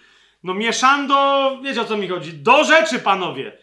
Dzieci się mogą zbawić bez chrztu, czy nie? Dochodzimy do wniosku, że liczne czynniki, które wyżej przeanalizowaliśmy, po to jest cała książka, żeby się w nich zgubić, dostarczają poważnych racji teologicznych i liturgicznych aby mieć nadzieję, że dzieci, które umierają bez chrztu, zostaną zbawione i będą cieszyć się oglądaniem uszczęśliwiającym. Podkreślamy, iż chodzi tutaj o rację nadziei w modlitwie, a nie o elementy pewności. Jakby ktoś przyszedł i powiedział, Kościół głosi coś na. Nie, nie, nie, my tylko mówimy, że no możemy się o to modlić, gdyż to nie wynika z naszej teologii. Jest wiele rzeczy, które po prostu nie zostały nam objawione. Ty nagle. Ale wystarczające było, żeby skazać dzieci na piekło, tak? Wierzymy i pokładamy nadzieję w miłosiernym i miłującym Bogu, który został nam objawiony w Chrystusie, a Duch Święty skłania nas do wdzięcznej modlitwy i nieustającej radości. Nie wiadomo z czego. Punkt 103. Zostało nam objawione, i to są ostatnie zdania tego dokumentu, że zwyczajna droga zbawienia przechodzi przez sakrament chrztu. Jak już tamci się nawyrzekali, że jakby no miej nadzieję, ale to musi być jakaś nadzwyczajna droga, która nam nie jest objawiona i dlatego nie umimy ci wyjaśnić. Rozumiesz to? A normalna droga przechodzi przez sakrament chrztu. Żadne z wyżej przedstawionych rozważań nie może być wykorzystane do pomniejszenia konieczności chrztu ani do odkładania jego udzielania. Dziękuję bardzo. Nieważne, co tu przeczytaliście, nie miejcie nam za złe. Ale nic z tego nie może być wykorzystane do choćby pomniejszenia konieczności chrztu dziecka. Kropka. Dziękuję bardzo. Tak się kończy ten dokument. Żeby było jasne. 2007 rok. Tak Kościół rzymskokatolicki próbuje się wycofać. Nie, nie, my tu miłosierdzie, miłość, za pseudoprotestantami, pseudobiblijnymi powtarzanie łaska to jest wyprzedzająca przychylność, niczym niezasłużona. Wiecie o co chodzi? W ogóle biblijnie to nie jest, to jest część definicji łaski, ale to nawet nie jest pierwszy stopień do jej rozumienia. Istnieją, tu na koniec, to jest, tu, tu jest, przepraszam, to jest ostatnie zdanie, istnieją raczej poważne racje, jak chcemy tutaj na końcu potwierdzić, by mieć nadzieję, że Bóg zbawi te dzieci, co są bez chrztu. Ponieważ nie można było uczynić dla nich tego, co chciałoby się uczynić, to znaczy ochrzcić je w wierze i w życiu Kościoła. Jakoś Bóg jest większy ponad jego magię, którą my mamy. Ale w ramach tej magii tu na ziemi my nic nawet nie umiemy powiedzieć, co by mogło się poza tą magią wydarzyć. Ok? Dalej, kochani, Yy, I tyle. Więcej nie nawet tych de dekretów o tej konieczności, bo jak byście zobaczyli, co Trydencki Sobór, te inne wypowiedzi, to jest jednoznaczne. I naprawdę, czytając ten dokument, zobaczylibyście, jaki to jest slalom, rozumiecie, kombinacja alpejska, żeby powiedzieć, rzec prawdę, a nie skłamać. Nie? Powiedzieć, że nie ma żadnej nadziei dla dzieci, no ale ponieważ czegoś takiego nie możemy aż tak definitywnie to powiedzieć, to no, może jest nadzieja. I to jest wszystko, co możemy wam zaoferować. W takiej formie, że ojciec Adam Szustak, jeszcze raz się na niego powołam, pomyślał sobie, że Kościół zmienił zdanie w kwestii potępienia małych dzieci, które umierają nieochrzczone. Otóż Adam, mówię ci teraz wprost, może ci, pewnie ci to ktoś prześle, bo są wiel, wielu życzliwych. Nie, nie broń Kościoła tam, gdzie się nie da Kościoła rzymskokatolickiego, jego teologii, gdzie się nie da obronić. Po prostu nie da się tego obronić. Dzieci dalej, według tej teologii, o ile Bóg nie zrobi czegoś poza magicznego, idą do piekła. Nawet jeżeli by to było tylko delikatne limbo, nie doświadczą uszczęśliwiającego widzenia Boga. Punkt trzeci. Przechodzimy dalej. To jest mianowicie moje twierdzenie, I, I, twierdzę, że Kościół rzymskokatolicki mówi to jasno, że jakkolwiek by nie rozumieć usprawiedliwienie Boże, usprawiedliwienie Boże nigdy nie jest pewne. Musisz to wiedzieć. Mimo, że ono, po ono nigdy nie jest pewne. Proszę bardzo, czytam tylko jeden e, z rozdziału dziewiątego, którejś tam już tej sesji, teraz nie pamiętam, Soboru Trydenckiego, to jest w Breviarium Fidei punkt 325. Rozdział dziewiąty nazywa się absolutnie fantastycznie, mianowicie przeciwko próżnej ufności heretyków. Czyli ludziom, którzy wierzą, że wystarczy wierzyć. Ale jest sprawa. Dobra. Rozdział 9 przeciwko próżnej ufności heretyków, Breviarium Fidei, punkt 325. Czytam w całości i jedziemy dalej.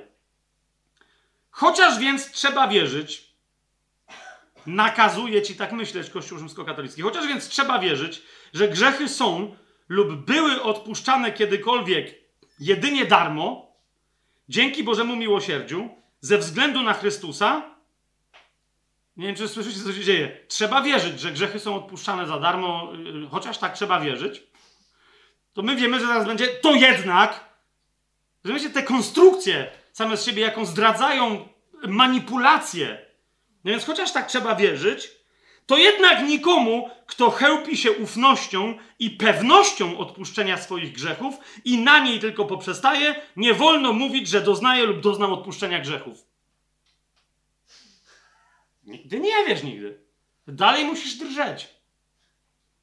Jakkolwiek może to mieć miejsce u heretyków i, i, i u schizmatyków, czyli u ciebie i u mnie, i halo u was, gdyż w naszym burzliwym czasie głosi się z wielką zawziętością przeciw Kościołowi katolickiemu tę próżną i daleką od wszelkiej pobożności ufność. I nie mieliście takiej rozmowy nigdy z rzymskim katolikiem, jak ty mówisz, że rozumiesz, czy ty jesteś zbawiony, ktoś ci mówi, jak, jaka to jest, jakie to jest zadufanie, jaka to jest pycha z twojej strony, a ty wiesz, że jesteś zbawiony. Rozumiecie, to jest wyraz pokory, że ty wiesz, że jesteś zbawiony. Jak nie Biblia, Bóg mnie o tym zapewnia, ty.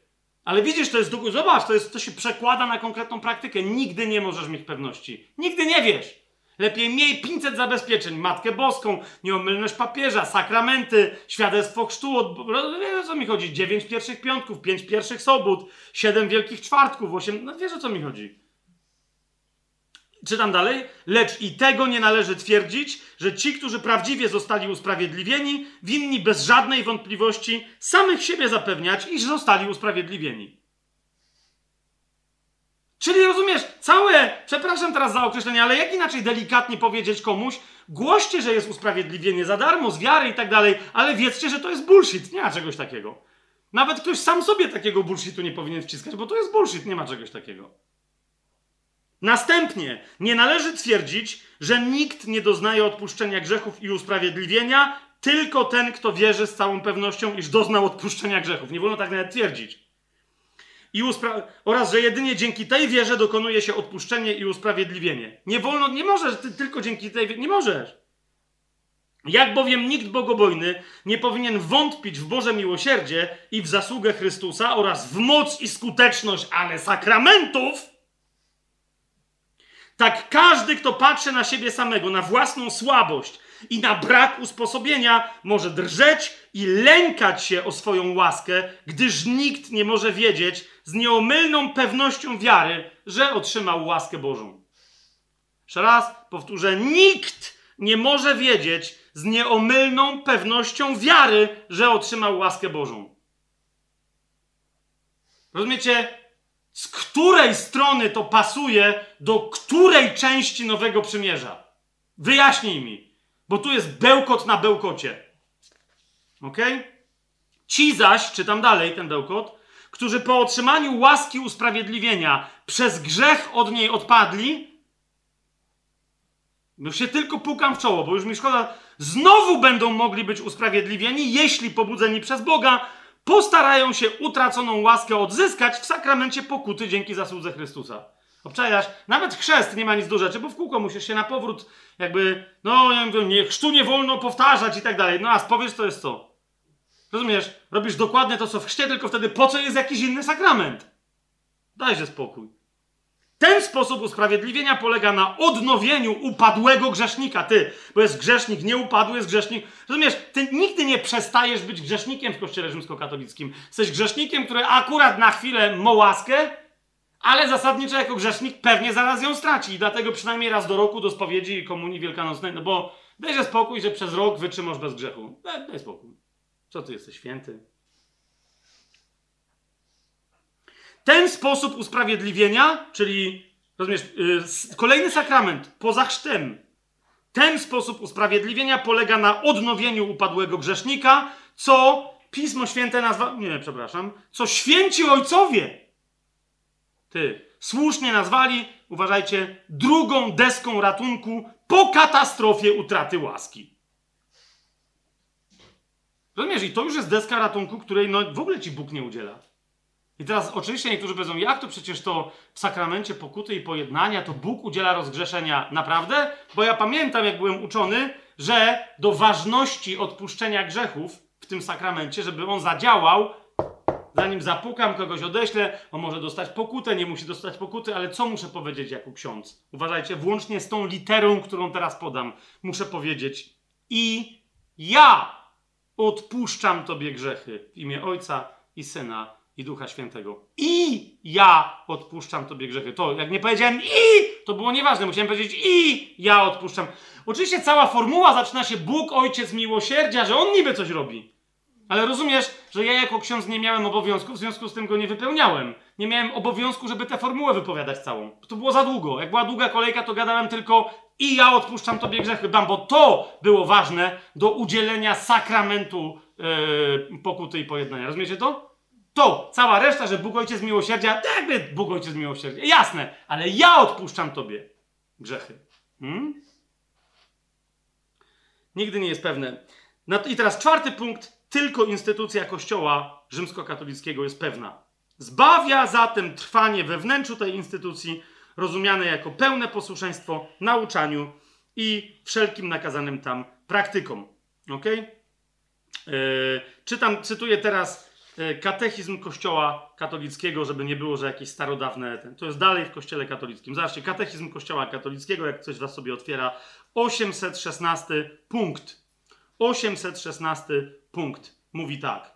To jest ten jedyny Kościół Chrystusowy, który Zbawiciel nasz po zmartwychwstaniu swoim powierzył do pasienia Piotrowi. Nie przypominam sobie takiej sceny, żeby tam istniał jakiś kościół rzymskokatolicki i żeby więc Pan Jezus ten akurat kościół powierzał Piotrowi do jakiegoś pasienia. No ale niech będzie, zlecając jemu i pozostałym apostołom, aby go krzewili i nim kierowali. Kościół ten ustanowiony i zorganizowany na tym świecie jako społeczność, uważajcie, trwa w kościele katolickim rządzonym przez następcę Piotra oraz biskupów pozostających z nim we wspólnocie i nawet w katechizmie Kościoła katolickiego, żeby nie było, że to jest dowolna wspólnota, jest podany łaciński wyraz komunio w nawiasie, żeby było jasne, że tak jak my definiujemy precyzyjnie ten wyraz, kto ma komunię z papieżem i resztą biskupów. Ok? I dalej małą czcioneczką, bo oni wiedzą, że małe czcioneczki ludzie nie doczytują, jest napisany dekret o ekumenizmie Soboru Watykańskiego II wyjaśnia, to tym wszystkim, którzy by chcieli wchodzić w rozmowy ekumeniczne, szukając jedności z Kościołem rzymskokatolickim. Dekret o ekumenizmie wciąż obowiązujący, absolutnie aktualny i adekwatny na dzisiejsze dni, bo Soboru Watykańskiego II wyjaśnia, oni to cytują, pełnię bowiem zbawczych środków można osiągnąć można jedynie w katolickim Kościele Chrystusowym, który stanowi powszechną pomoc do zbawienia. Gdzie jest pełnia środków koniecznych do zbawienia, tylko w Kościele Rzymskokatolickim, nigdzie indziej. Ekumenia więc polega na tym, że tak, my gadamy z wami protestantami, z kimś tam. Jak ktoś głosi tak jak ja, to się nawet z nim nie gada, no bo wiadomo o co chodzi. Z całą resztą gadamy, ale to wszystko zmierza do czego? Założyciel jezuitów, mm, Ignacy Loyola zawsze powtarzał, wychodź do rozmowy i idź, wchodź ich drzwiami, ale na koniec tak prowadź, żeby weszli naszymi. Do nas. Wtedy zamykasz drzwi. To jest dokładnie to. Wierzymy mianowicie, cytuję dalej, że jednemu kolegium apostolskiemu, któremu przewodzi Piotr, powierzył Pan wszystkie dobra Nowego Przymierza, celem utworzenia jednego ciała Chrystusowego na ziemi, z którym powinni zjednoczyć się całkowicie wszyscy, już w jakiś sposób przynależący do ludu Bożego. Nawróciłeś się w kościele protestanckim, coś zacząłeś wierzyć w Pana Jezusa, fantastycznie. Ale to musisz przyjść do kościoła rzymskokatolickiego. Bez chrztu jesteś nikim. Może jakoś Pan Jezus, jak te dzieci bez chrztu, coś, ale to raczej nie, bo już wiedziałeś o istnieniu kościoła katolickiego, prawda? Także to raczej piekło, nawet nie limbo, tylko normalnie. Punkt 830. Punkt 830. Katechizm Kościoła katolickiego. Słowo powszechny w nawiasie katolicki oznacza uniwersalny, czyli cały lub zupełny. No nie, ale to znaczy, że albo cały, całe ciało Chrystusa, bo tam jest cała taka myśl, jest tylko w Kościele katolickim, rozumiecie? Nigdzie indziej. Kościół jest powszechny w podwójnym znaczeniu. Kościół jest powszechny, ponieważ jest w nim obecny Chrystus. Ok? Tam, gdzie jest Jezus Chrystus, tam jest Kościół powszechny. Istnieje w nim pełnia ciała Chrystusa zjednoczona z głową, w wyniku czego Kościół otrzymuje od niego pełnię środków zbawienia, której on chciał mu udzielić. Co to jest pełnia środków zbawienia? Poprawne i pełne wyznanie wiary. Nie wiem, czy widzicie o co chodzi. Zestaw dogmatów, który ty musisz znać i musisz się z nim zgadzać. Nie chodzi o wiarę w Jezusa. Dalej, integralne życie sakramentalne. Dalej, posługa święceń w sukcesji apostolskiej. Dokładnie to. Nasza społeczność, nasz kler, nasi kapłani, nasza magia, nasz okultyzm. Tylko i wyłącznie to nam Pan Jezus dał.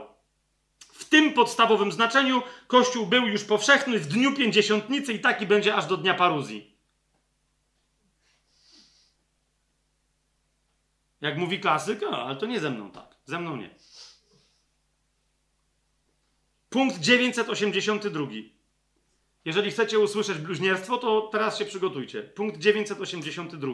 Bóg, nie wiadomo, usprawiedliwienie, trzeba tak wierzyć, ale jakby wiadomo o co chodzi. Bóg nie ma nic do rzeczy. Jakbyście mieli jeszcze wątpliwość, czy Bóg nie, czy, czy to, co ja mówię, że Bóg zostawił energię zbawczą, ale nią zarządza w pełni i decyduje o niej Kościół. Punkt 982. Nie ma takiej winy, nawet najcięższej, której nie mógłby odpuścić Kościół Święty. Punkt 982 Kościół, Katechizm Kościoła Katolickiego. Bóg nie może. Sobór żaden się na to nie mógł zgodzić. Kościół może, nie ma czegoś takiego. Możesz nawet nie wierzyć w Jezusa. Ja ci to usprawiedliwimy. Ale Jezus mówi, że nie. Halo, panie, także. 982 punkt. Nie ma takiej winy, nawet najcięższej, której nie mógłby odpuścić Kościół Święty. Nie ma nikogo tak niegodziwego i winnego, kto nie powinien być, uważajcie na to, pewny przebaczenia. What? Nagle tu możesz mieć pewność przebaczenia, usprawiedliwienia, zbawienia? Nie ma nikogo takiego. Nieważne, czy wierzy, nie ma nikogo tak niegodziwego i winnego, kto nie powinien być pewny przebaczenia, jeśli tylko jego żal jest szczery. Chrystus, który umarł za wszystkich ludzi, pragnie, by w jego kościele bramy przebaczenia były zawsze otwarte dla każdego, kto odwraca się od grzechu. No i skorzysta z sakramentów, no bo niestety nie jest już tak dobry dla dzieci, które się nie ochrzciły i umarły za wcześnie, bo na przykład ktoś się zabił w ramach aborcji. Punkt 1448 i punkt 1449, numer 1448, 1449 katechizm Kościoła, e, katechizm Kościoła katolickiego, mimo zmian, którym w ciągu wieków ulegały układ i celebracja tego sakramentu, a jest mowa o konkretnym sakramencie, ok? Chodzi o, y, wiecie, spowiedź, o której już mówiliśmy, nie? Mimo zmian, którym w ciągu wieków ulegały układ i celebracja. Pamiętajcie, to jest, to jest teologia sakramentów w Kościele Rzymskokatolickim, a potem jest praktyka. Są znaki i one są równie znaczące. Niektórzy cię odsyłają, mówią, zobacz, co my tu napisaliśmy. I rozumiesz, i masz cytaty, które ci wskazują, że to, co ktoś robi w spowiedzi, jest, ma 500 cytatów. Ale się pytasz, czekaj, ale konkretnie, który z tych cytatów udowadnia, że masz zrobić to, potem to, a że to przynosi taką łaskę, a coś, a... Oni sami przyznają, że rozumiesz, co parę wieków to się w ogóle zmieniało. Były takie, było parę wieków, parę całych obszarów geograficznych Kościoła rzymskokatolickiego, gdzie nikt nawet nie słyszał o tak zwanej spowiedzi usznej, czyli że ty się spowiadasz drugiemu człowiekowi. Nie? Trzeba było na przykład przyjść przed kościołem wyznawać swoje grzechy. Rozumiesz? Przed całą społecznością, biskupem, kimś tam, oni się tam wyrzucali, nie wolno ci nam przechodzić.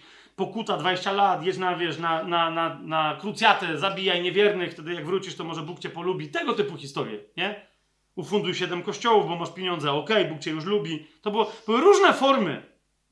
I oni to przyznają, ale patrzcie, co tu jest powiedziane. Mimo zmian, którym w ciągu wieków ulegały układ i celebracja tego sakramentu, można dostrzec tę samą podstawową strukturę. Cóż to za podstawowa struktura? Obejmuje ona dwa istotne elementy. Z jednej strony akt człowieka, który nawraca się pod działaniem Ducha Świętego, a mianowicie żal, wyznanie grzechów i zadośćuczynienie, a z drugiej strony działanie Boże, za pośrednictwem Kościoła. Jak Kościół nie zadziała, Bóg nie może odpuszczać grzechów, nie może usprawiedliwiać, nie może nic robić. Jest związany w swoim kościele rzymskokatolickim. Kościół, uważajcie na to, dosłownie jest napisane, który przez biskupa i jego presbiterów udziela w imię Jezusa Chrystusa przebaczenia grzechów i ustala sposób zadośćuczynienia, modli się także za grzesznika i pokutuje razem z nim w ten sposób grzesznik jest uzdrowiony i ponownie przyjęty do komunii kościelnej. Kościół zbawia grzesznika. Ok? Kościół się za niego modli, nie Chrystus. Inna rzecz, że to jest kłamstwo. Nigdy nikomu, nigdy w życiu, jako ksiądz nie powiedziałem, i ja odpuszczam tobie grzechy w imię Jezusa Chrystusa. Skończcie kłamać. Nikt nigdzie w Biblii nie powiedział, że formuła w imię Ojca i Syna i Ducha Świętego jest formułą w imieniu Jezusa Chrystusa. Wszędzie, gdzie wszystkie rzeczy, które w Biblii ktoś robi w imieniu Jezusa, robi w imieniu Jezusa i tylko jedna rzecz ma być zrobiona w imieniu Ojca i Syna i Ducha Świętego i to jest chrzest narodów, to nie ma niczego wspólnego z jakąkolwiek formą chrztu wodnego indywidualnego. Po prostu. Ok? A oni tu twierdzą, że Kościół udziela przez biskupa, prezbiterów. Rozumiecie? To musi być cała ta struktura, że rzekomo udzielają w imię Jezusa Chrystusa przebaczenia grzechów. Ja zawsze nie mówiłem w imieniu Jezusa Chrystusa i jest nieważny byłby to sakrament. Nieważny byłby to sakrament. Ostatnio była sprawa jakiegoś księdza w Stanach Zjednoczonych, który chciał ładnie brzmieć. Nie wiem, czy to pamiętacie, bo to ktoś mi to tu opowiadał. Yy, kto zmienił. W, w, w, co to była za formuła? W, w, mszy, w mszy świętej chyba. Konsekrację w Stanach Zjednoczonych, żeby coś ładniej brzmiało, zmienił jeden wyraz. I ktoś go na tym złapał, mówi, zaraz, ale co jest grane? Ja mówię, no ja tak od 20 lat gadam. Okazało się, że wiecie, Kościół musiał tam katolickie jakieś historie wytwarzać, bo co się stało? 20 lat nieważnych mszy. Po, po prostu, bo zmienił goś jeden wyraz. Sto, to jest magia. Jeden wyraz. Po Soborze Watykańskim II, w Po Soborze Trydenckim, rozumiecie, złe ustawienie ręki, niewłaści w niewłaściwym momencie wyjęcie specjalnej chusteczki, żeby coś tam otrzeć. Rozumiecie, wielu mi tych starych księży mówiło, że po Soborze Watykańskim II przynajmniej jakieś odprężyli się przy mszy, nie? Młody. Ja żem szedł spowiadać, żeby mnie Bóg nie zabił przy ołtarzu, tyłem do ludzi, wiecie, te wszystkie historie, te ubrania specjalne, wszystko przy ubieraniu się, mówi, przy ubieraniu się już nie byłem pewny, czy mogę wyjść się drugi raz nie spowiadać. Nie? Ale mówi, wychodziłem wyspowiadany, pełen łaski uświęcającej do ołtarza, wracałem i szedłem drugi raz się spowiadać, bo miałem siedem grzechów ciężkich na sumieniu. Bo nie, nie właśnie zapomniałem sobie, że nie dzwonek, nie to, tu nie tu, tu za wcześnie, tu później. Mówi, chłopie, msza była dalej ważna, ale ja miałem grzechy ty na sumieniu. A tu rozumiesz, ale to, to, były więc obarczone tym, tą magią inne czynności. Ale nadal w kościele katolickim jest dokładnie to, powiesz coś nie tak, to jest w ogóle nieważne, posłużysz się nie tym, nie? Te, pamiętam rozważania, chrzest, czy można kogoś ochrzcić śliną ty w kościele, nie masz wody, jak go oplujesz, to czy to może być, czy to już jest woda, czy jeszcze jest woda, czy już nie. Czy co? Czy rozumiesz? Czy, a jak dziecko y, umiera w łonie matki i teraz nawet nie wiadomo jak go wyjmą, mogą wyjąć martwe, trzeba je ochrzcić w łonie, ty, to teraz jak ona się zgadza, teraz, czyli co, ty wodę święconą wbijesz się przez, wiesz, przez tam do macicy i wlewasz, no ale on już jest w wodzie, to może poświęcić ta woda. A rozumiecie, były autentycznie takie rozmowy na teologii praktyczne, co tam wszyscy oddychają, kurde, to już lepiej nie być kapelanem w szpitalu, żeby potem takie rozważania snuć, no nie? No wiesz, no potem masz dziecko na sumieniu, albo poszło do nieba, albo do piekła, tak? No limpo. No Kościół katolicki mówi, że nie poszło. Jasne. A potem będę je mieć na sumieniu. Daj spokój. Punkt y, numer 100, 1449. A propos tej formuły, o której wam, wam mówię, formuła rozgrzeszenia używana w kościele łacińskim wyraża istotne elementy tego sakramentu. Ojciec miłosierdzia jest źródłem wszelkiego przebaczenia. Zwróć uwagę, jest tylko źródłem. Natomiast z niego emanuje energia pewna, którą się można posługiwać. On nie jest czynnikiem aktywnym, bo się dowiedzieliśmy, czynnikiem aktywnym są sakramenty, których udziela Kościół wcześniej, tak? Więc on jest źródłem. Dokonuje on pojednania grzeszników przez paschę swojego syna i dar Ducha Świętego za pośrednictwem modlitwy i posługi Kościoła. Tu nie wiem, nawet, ja, nawet nie wiem, czy bym się nie podpisał. Wiecie o co mi chodzi? Ale tu masz dwukropek i małymi literkami. Szatan przyleciał mnie, atakuje. I małymi literkami masz napisane, jak brzmi ta formuła, którą ma ksiądz wypowiedzieć w, yy, w konfesjonale. Bóg, Ojciec miłosierdzia, który pojednał świat ze sobą przez śmierć i zmartwychwstanie swojego Syna i zesłał Ducha Świętego na odpuszczenie grzechów, niech Ci udzieli przebaczenia i pokoju przez posługę Kościoła. Niech Ci udzieli czego? Przebaczenia i pokoju. Nie? A ja co robię? Tu, I tu jest kropka. To, co Wam mówiłem. To nie jest... To jest kropka i tu się zaczyna następne zdanie. Tu jest kropka. Jest nas... A teraz się pojawia następne zdanie istotne do ważności sakramentu, a nie do pitu-pitu. I ja odpuszczam Tobie grzechy w imię Ojca i Syna i Ducha Świętego, a nie w imieniu Jezusa. Ja odpuszczam Tobie grzechy. Kto? Ja, ksiądz, który siedzę tutaj pod zwierzchnictwem swojego zwierzchnika zakonnego, biskupa, kogoś, docelowo papieża. Kościół ci to robi. Rozumiesz? Kościół ci to robi. Ta magia, nie żaden Bóg. Ja ci odpuszczam grzechy. Wyszła taka, nie pamiętam co to było. Yy, yy, to, yy, to była wtedy jeszcze Jan Paweł II yy, żył. Następny papież, czyli Benedykt XVI, Ratzinger, Niemiec, on wtedy był szefem doktrynacji. Do, doktrynacji. To była dyka, dykasteria, czy kongregacja do spraw nauki wiary. Bo teraz dopiero wszystko się stało mm, dykasteriami.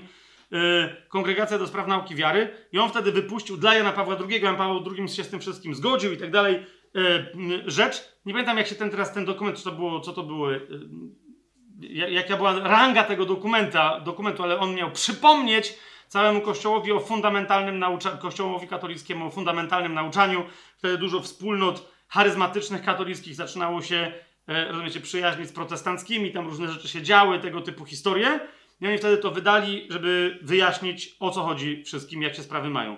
Ta, ten dokument nazywał się po prostu Dominus Jezus przez i krótkie, było to po łacinie, czyli Pan Jezus. Tak? Czyli Jezus jest Panem. To jest wyznanie, tak? Jezus jest Panem. Jezus jest Panem czego? Jezus jest Panem Kościoła, tych ludzi, którzy go naprawdę wyznają jako Pana. Kto jest Kościołem? Tylko i wyłącznie Kościół rzymskokatolicki. Przy, przy, tylko parę przywołam stamtąd fragmentu, żebyście to zrozumieli. Tak? Kościół włada mocą Boga na ziemi, Kościół rzymskokatolicki. Więc to, jak on naucza, jak sprawuje pewne rzeczy, jak operuje tą mocą, magią, jaką sobie w danym momencie wymyśli, to jest ważne i to działa. I nic innego. I nie możesz wierzyć inaczej. Czytam punkt 16, to było motu proprio, czy nie? Nie, tam teraz, nie, nie, coś jeszcze innego. Jak ktoś z was jakby to znalazł, do, Dominus Jezus, yy, to, to jak to się tam nazywało? Deklaracja. O, deklaracja. O jedyności i powszechności zbawczej. Tak, deklaracja o jednostce, dekl to deklaracja stolicy Apostolskiej, no ale w każdym razie papież tam się podpisał, oficjalne nauczanie Kościoła, zawsze się powołuje i mówi, że przypomina tylko skrótowo oficjalne nauczanie. Otóż w tej deklaracji, Dominus Jezus, w punkcie 16, on się nie zaczyna, to co ja teraz zacytuję, tylko w pewnym momencie czytamy tak. Uważajcie na to. Wierni zobowiązani są wyznawać, że istnieje historyczna ciągłość zakorzeniona w sukcesji apostolskiej pomiędzy Kościołem założonym przez Chrystusa i Kościołem katolickim. Jest interesujące, po co gadać, że istniał Kościół założony przez Chrystusa i potem jest Kościół katolicki i jeszcze mówić, że wierni są zobowiązani wyznawać, że istnieje między jednym a drugim historyczna ciągłość. Interesujące, co? To był Benedykt XVI, czyli kardynał Ratzinger i on nie był głupi. On w swojej pracy magisterskiej, jak pamiętacie, którą przywoływałem, czy tam doktorskiej, nie pamiętam teraz, napisał, że jak Pan Jezus powiedział, na tej skale założę, założę mój kościół, on, na, przyszły papież, napisał, że Jezusowi chodziło o siebie, a nie o Piotra. I nie o papieży żadnych. Papieże nie są żadną skałą, na której jest kościół zbudowany. Napisał to przyszły papież. Więc on tu również nie jest głupi, więc napisał wszystko zgodnie z ortodoksją, a jednocześnie zaznaczył, kto ma wiedzieć, ten wie. Do wszystkich bożych bandytów. Okej? Okay? To jest jedyny Kościół Chrystusowy, który Zbawiciel nasz po zmartwychwstaniu powierzył do pasienia Piotrowi. Kościół ten ustanowiony i zorganizowany na tym świecie jako społeczność trwa w subsistit in. Są, rozumiecie, po łacinie to jest prawniczy język. Masz to rozumie, nie tylko, sobie ktoś powie, no i to można zinterpretować. Nie, nie można.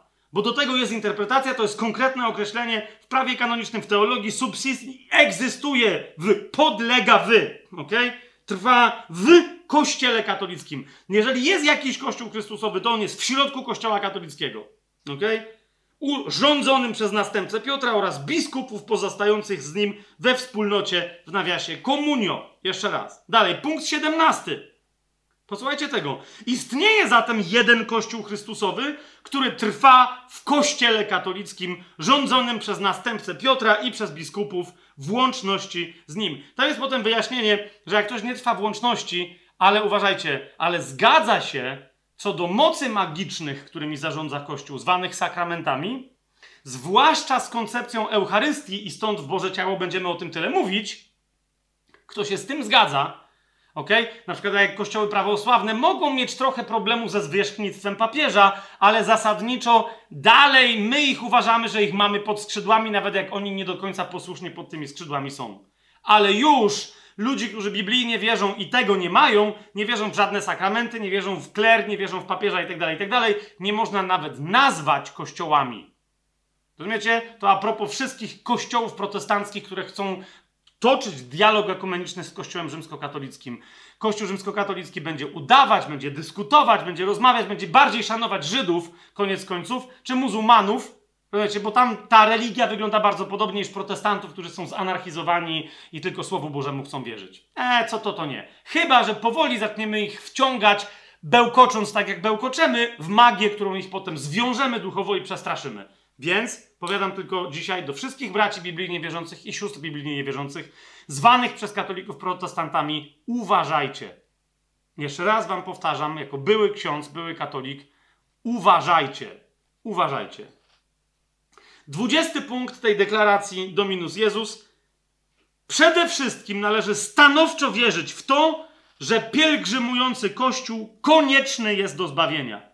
Co jest konieczne do zbawienia? Nie Jezus, nie wiara, nie krzyż, nie wszystkie tam historie, tylko Kościół. Kościół, bo on ma sakramenty, bo cała ta reszta to jest to, czym Kościół się posługuje. Jeszcze raz.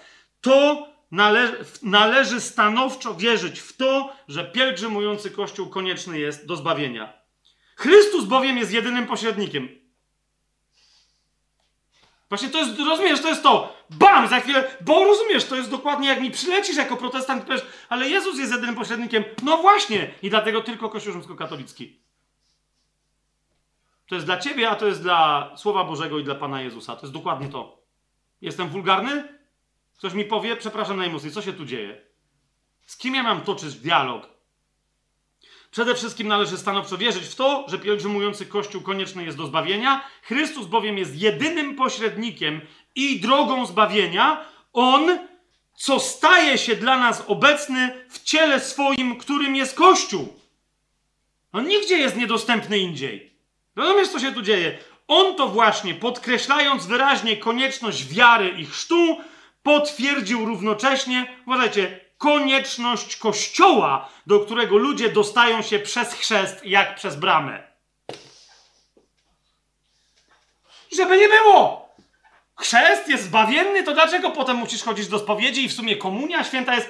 Ponieważ chrzest jest bramą do kościoła. Żebyś dopiero tu się spotkał z Chrystusem. To nie niczego wspólnego, rozumiesz o co chodzi? To jest tu jak byk napisane. Chrystus powiedział, kto wierzy i przyjmie chrzest, będzie zbawiony i cały czas. Ale rozumiesz, jak to w ten sposób potwierdził konieczność Kościoła. Jaką? Do zbawienia, bo o tym jest 20 punkt. Kościoła, do którego ludzie dostają się przez chrzest, jak przez bramę. Rozumiesz, że potem się pojawią, ja jestem bramą i tak dalej, ale to potem będzie wykorzystane do czego? No, że to Jezus to jest chrzest, a on to uważa, że jest bramą, przez którą ty wchodzisz do kościoła, w którym dopiero się z nim spotkasz, bo tu on jest tylko bramą. Rozumiesz?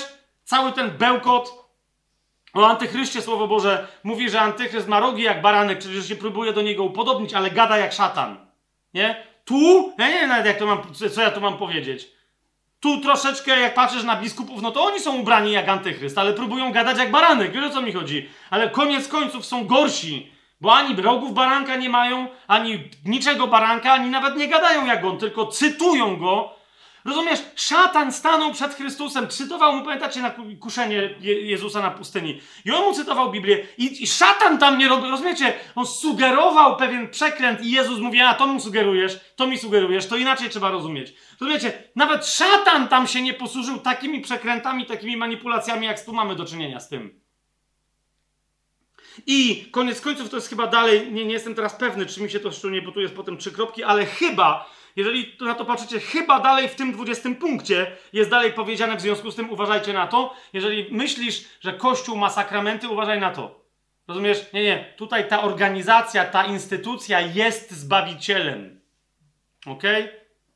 I ona ma sakramenty, ale tu jest napisane, uważaj, Kościół jest powszechnym sakramentem zbawienia. I to jest meta twierdzenie, okay? Na temat wszystkiego innego. To jest fundament, Kościół, oczywiście rzymskokatolicki, jest powszechnym sakramentem zbawienia. Dlatego rozumiesz, cokolwiek przychodzi do ciebie nie w związku z tym kościołem, nie, ma, nie ma związku ze zbawieniem według kościoła rzymskokatolickiego. Głosił ci protestant, pozostajesz dalej w kościele rzymskokatolickim. Rozumiesz, nie ma, albo się zgodzisz z tym, jak rozumie wszystko kościół katolicki. Fajnie, że masz doświadczenia na zewnątrz, Słyszy, słuchasz ewangelisty ewangelicznego, biblijnie wierzącego i on por, pobudził twoją religijność. To jest tak rozumiane w kościele katolickim. Ale teraz rozumiesz. Chrzest, już byłeś ochrzczony jako dziecko, no to powrót, pokuta, poddaj się, spowiedź, komunia, dziewięć pierwszych piątków. No jakby ogarnijże się, nie? Majówka, czerwcówka, halo, halo! Kościół, czytam całe to zdanie, jest powszechnym sakramentem zbawienia, ponieważ będąc zawsze w tajemniczy sposób złączony z Jezusem Chrystusem Zbawicielem i podporządkowany mu jako głowie, w planie Bożym ma nieodzowny związek ze zbawieniem każdego człowieka. Ja myślałem, że biblijnie rzecz ujmując całą Biblię, jak czytałem, Kościół to jest zgromadzenie ludzi wokół powracającego Chrystusa, którzy już są zbawieni. I, jakby to obecność ich tam wynika z tego, że są zbawieni, a nie przychodzą oni tam po to, aby być dopiero zbawianymi. Widzicie kompletne odwrócenie porządku? Ekonomii zbawienia. I 23 punkt w pewnym momencie stwierdza w ten sposób, to już jest najlepsze podsumowanie całych tych, nazwijmy to, nauczań. Ojcowie Soboru Watykańskiego II, rozpatrując temat prawdziwej religii, no przynajmniej ci się nie bali. No oczywiście. Są religie dziadowskie, półprawdziwe, troszeczkę takie nas poprzedzające, dość dobre, jak judaizm, starsi bracia, jakby nie było w wierze, no ale my jesteśmy młodsi. Gdzie jest najlepsza religia na świecie?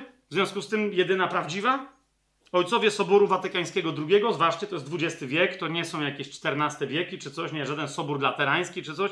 Ojcowie Soboru Watykańskiego II, rozpatrując temat prawdziwej religii, stwierdzili: Wierzymy, że owa jedyna prawdziwa religia przechowuje się w Kościele katolickim.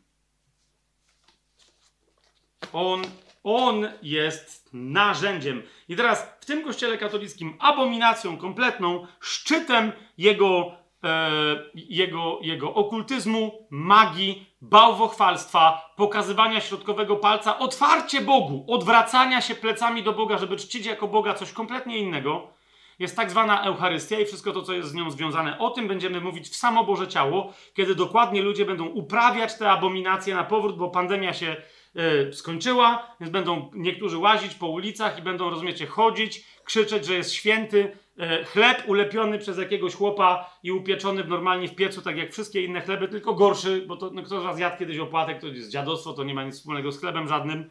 I to nie mówię dlatego, że jestem na keto, tylko po prostu kto by się opłatkiem najadł, żadna sprawa raczej deserek.